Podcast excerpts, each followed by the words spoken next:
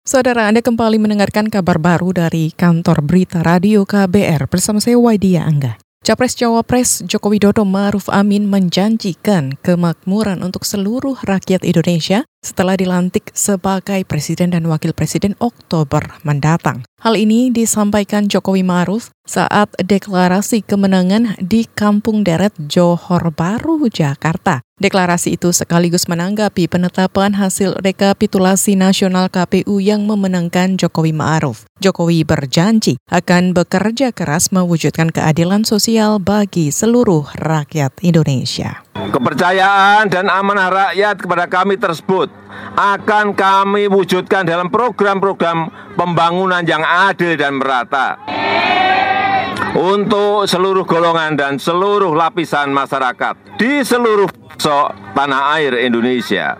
Setelah dilantik di bulan Oktober nanti, kami adalah presiden dan wakil presiden seluruh rakyat Indonesia. Kami adalah pemimpin dan pengayom dari 100% rakyat Indonesia. Jokowi mengajak masyarakat kembali damai dan bersatu membangun negara. Saudara, kunjungan Jokowi ke Kampung Deret Johor Baru ini tergolong mendadak. Di sana Jokowi sempat berdialog dengan warga sekitar satu jam.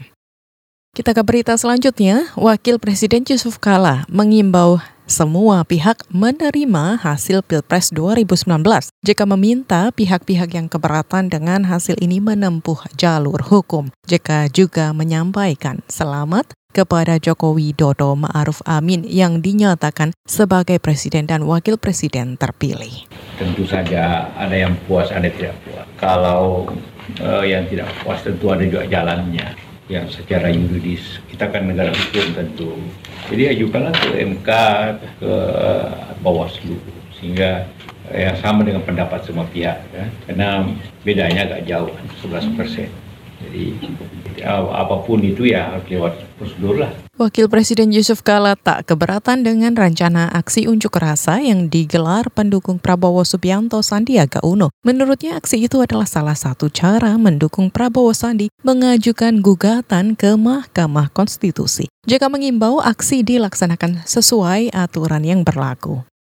Kita ke berita selanjutnya. Aparat keamanan telah menerjunkan 50 ribu personel gabungan untuk mengamankan aksi 22 Mei besok. Juru bicara Polda Metro Jaya, Arko Yuwono mengatakan, aparat ditempatkan di titik-titik yang merupakan simbol negara seperti gedung KPU, Bawaslu, Istana Negara, dan juga DPR. Jadi intinya bahwa untuk uh, yang ramai ya, yang kita rencanakan pada tanggal 22 Mei ya, itu akan ada unjuk rasa dan tentunya bahwa dari pihak kepolisian ya, ya bersama dengan TNI ya kita akan mengamankan semua kegiatan itu. Ya terpenting bahwa namanya penyampaian pendapat itu adalah tidak absolut ya.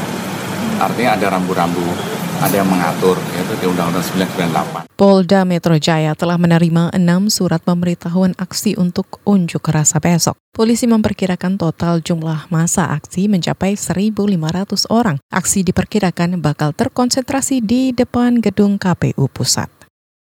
Kita menuju ke Solo, Jawa Tengah. Bepom Solo menemukan bahan berbahaya dalam makanan berbuka puasa atau takjil. Selengkapnya bersama kontributor KBR di Solo, Jawa Tengah, Yuda Satriawan. Badan Pengawas Obat dan Makanan atau Badan POM Jawa Tengah, cabang POM Kota Solo menggelar uji bahan berbahaya pada makanan yang dijual untuk berbuka puasa di Kompleks Manahan Solo.